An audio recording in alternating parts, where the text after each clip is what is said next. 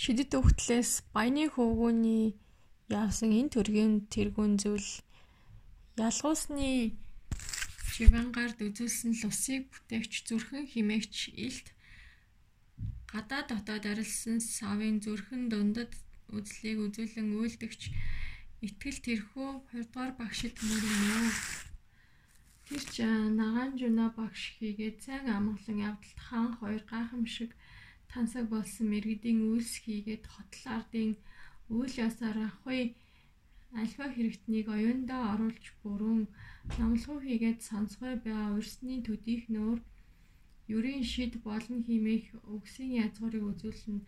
Түүнийг өгүүлэхийн шалтгаан хутагтны улс дахь дунд газар ах トゥ долоон элбэж хүн буй ажгүй түн лүгээ хол бус нэгэн бээрийн газар одвоос нэгэн агуу хүчин төгссөн хаанд ах トゥ хоёр буйгаас ах нь элбчний элб сурахаар одож 7 жил заалгаад элбчний элбийн онсыг үннээр ис сурчээ.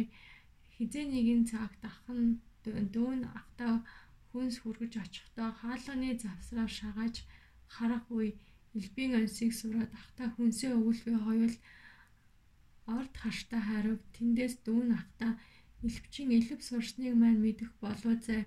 Бидний хооронд нэг сайн морь би. Чи түүнийг хөтлөөд долоо элбшний зүгт бүү яв. Өөр оронд одоод эд агуурсыг худалдаж аваад ирэх хэмээн өгүүлээд өөрөө тэр моринд ховлоо ахан дүүгийнхээ үгээр болж би 7 жил болтол илэв ис сурав. Дүү минь ийм сайн морь олжээ.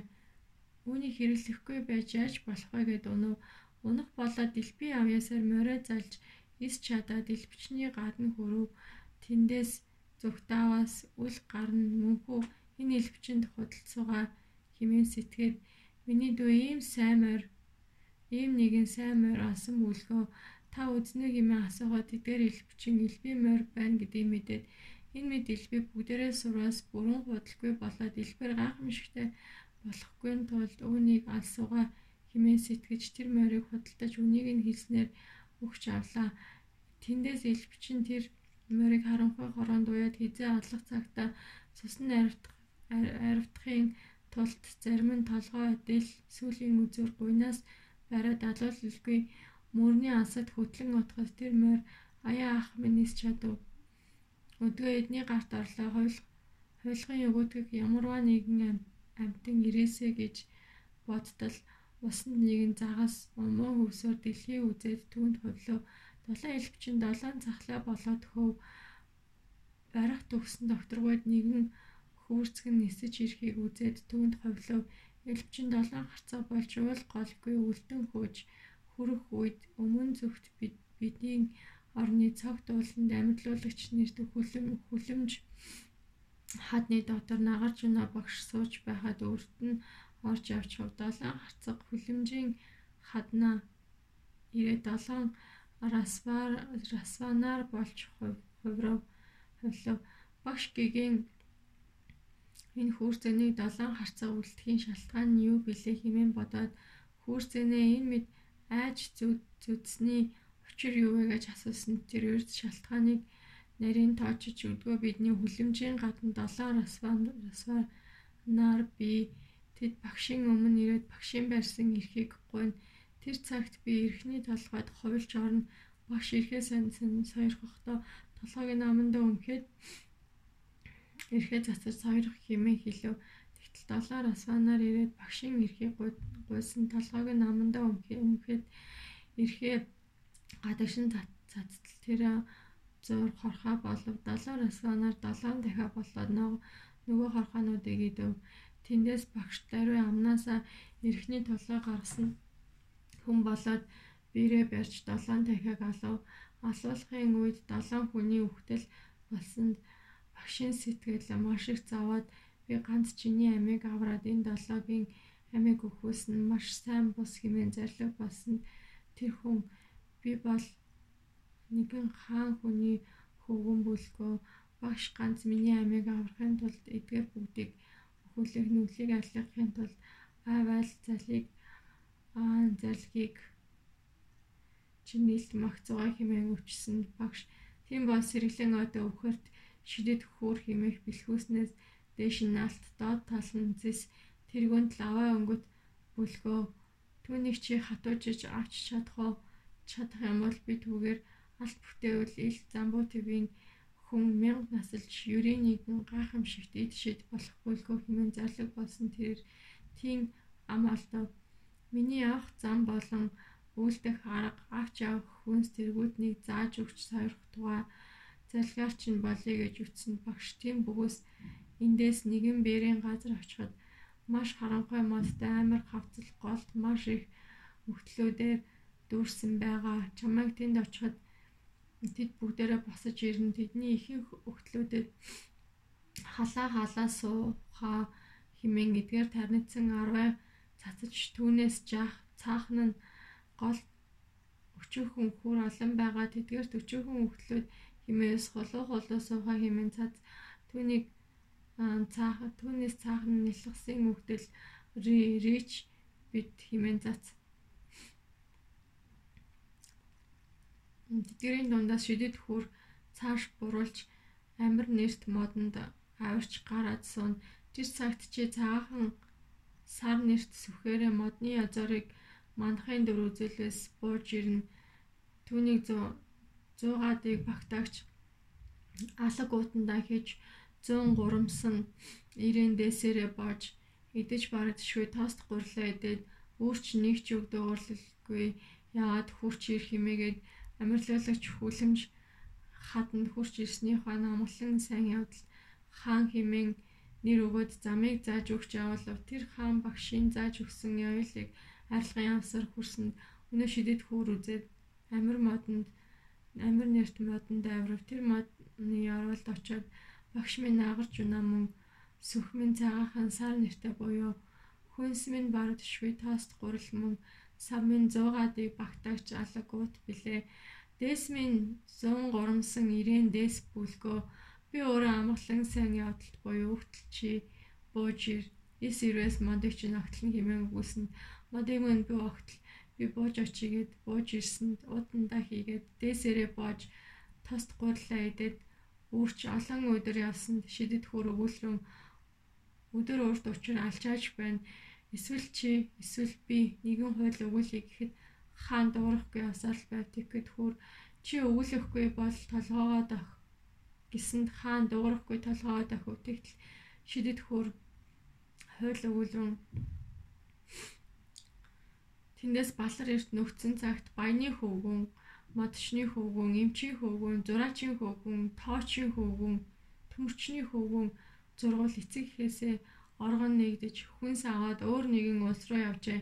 Нэгэн голын бэлчүрт хүрээд тэнд хүн бүр нэг нэг сүнсний мод босгоод өөр өөрийн голд идэ ирэхээр одож 6 жил болоод эндээ уулзцгаая гэж болцоод хэрвээ хин нэг нь эндээ ирэхэд бидний мод өнгө хув хаарсан болвоос түүнээ явсан зүгт явъя хэмээн тогтжээ.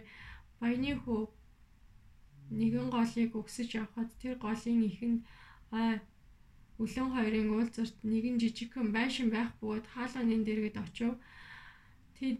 Тэнд их өвтөлсөн өвгөн эмгэн хоёр байжээ. Тэр хоёр хүү чи хаанаас ирж хааг зорж явна вэ гэхэд хүү би холоос ирсэн бэлээ. Эдээ ирэхийн тулд энд ирэх гэхэд өвгөн эмгэн хоёр Тийм бол чиний ирсэн чинь сайн байна. Бидэнд би бэлтэр сайхан гоо үзэсгэлэнтэй нэгэн охин би. Чи түүнийг аваад миний хүү бол гэх үед тэр охин гадаа ирсэнд түүнийг үзээд эцэгхээсээ бууруулж ирсэн минь зөвдлөө. Энэ тэнгэрийн огтоос ч үлэмж гайхамшиг үзэсгэлэнт буюу түүнийг аваад энд сууя гэж бодов. Тэр охин хүү чи ирсэн чинь маш сайн гэд хідэн үг солилцсон ойлголцож гэртээ орж амраглан жаргаж суув. Тэр голын хадагт нэгэн их хаан байдаг ажээ түүний зарцсан хавар усанд наадан явж байтал голын ихэнд баяны хүүгийн гэрийн элдв зүйлээр үүдсэн бэлзэг усан дуурсаж ирэхийг аваад тэр маш үнэтэй эдлэлт бол хаандаа очиж өгөв. Хаан түүнийг үзээд ихэд гайхаж зарцтай энэ голын ихэнд энэ бэлцгийг зүйлсэн нэгэн хатан буу яжээ түүнийг миний дэргэд авчир гэж илгээжээ. Тэр ирж түүнийг үзээд түүнийг үзэлсэнд үзэсгэлэнг үзэж ханашгүй сайхан юм гэж гайхан бодоод очиж хаан чи чамайг авчир гэлээгээд баяны хүүгийн хамт авчирч хаан дөө хаан үзээд энэ бол Тэнгэрийн охин буюу үүний дэргэд миний босод хатад нохоогоо хаан адил химэн зарлиг болоод тэр охиныг үлэмж дотнчлоо. Охин хааныг бус гагцгүй баяны хөвгөл сэтгэлдээ бодон сүн энэ байдлыг хаан ухаж мэдээ зарцтаа энэ баяны хөөг үгүй болго химэн төвшөө тэр хөөг наадамд авчаагаад нэгэн мөрний хязгаар газар авчирч булаа дээрэс нь том хадаар дарж алав. Тинээс нөختөн зөв зүгээс нөгөө болцсон газраа цуглан ирж үзвэл баяны хөө байхгүй сүнсний моднох ухаарсныг хараад түүний авсан голд ирчээс олсон тоочийн хөө тоолч үзээ тэр баяны хөө ийм нэгэн газарт их хаданд дарагдчихэ хэмээн мэдээд ирж олоод хадыг зайлуулах аргыг олсон төмөрчний хөө алах авч тэр хадыг хэмгчин худаг малтаад хүүрийг нь гаргав. Эмчийн хөө өснийг эдгэх юм найруулж аманд нь цутгаснаар амьлан босож юу болсныг асуулцсан ярилцаад чи ямар шалтгаанаар өхөө гэж асууж хөө болсон явдлыг нэг хүртлэн өгүүлсэн нөхд нь тийм гоо юм бөгөөс гайхамшигтай ажгаа одоо яаж түүнийг ямар аргаар авах вэ гэж зөвлөлдөж модчин хүү модоор гар дүүлтээ дотор нь орч дээш нь дэлтвэс дээшээ доошоо дэлтвэл доошоо хөндлөн дэлтвэс хөндлөн явах ийм унааг сэдэж хийв. Түүнийг зураачийн хүү элдв буудгаар будаад амьд мэт болооч түүний дотор баяны хүү ороод халин нисэж хааны орд харшийн дэргэд эргэн тойрон байхад хаан болон шадар тушманд нь үзээд гахаж энэ мэд шууг урд эс үзв сонсоогүй юм байна гэд хатанда хэлж орд харшийн давхар дээр элдв зүйлийн эдэг уг гэсэнд хатан нь эдээ аваад орд харшийн дээр гарч суухад тэр шувуу тэнд бууж ирээд үеийн хоёр модон гардын хаалгаар зал залуулсан хатан ихэд баясаж чамтай залуулах сэтгэлийн дотор чи үгүй байтал өдгөө залуулах болжээ.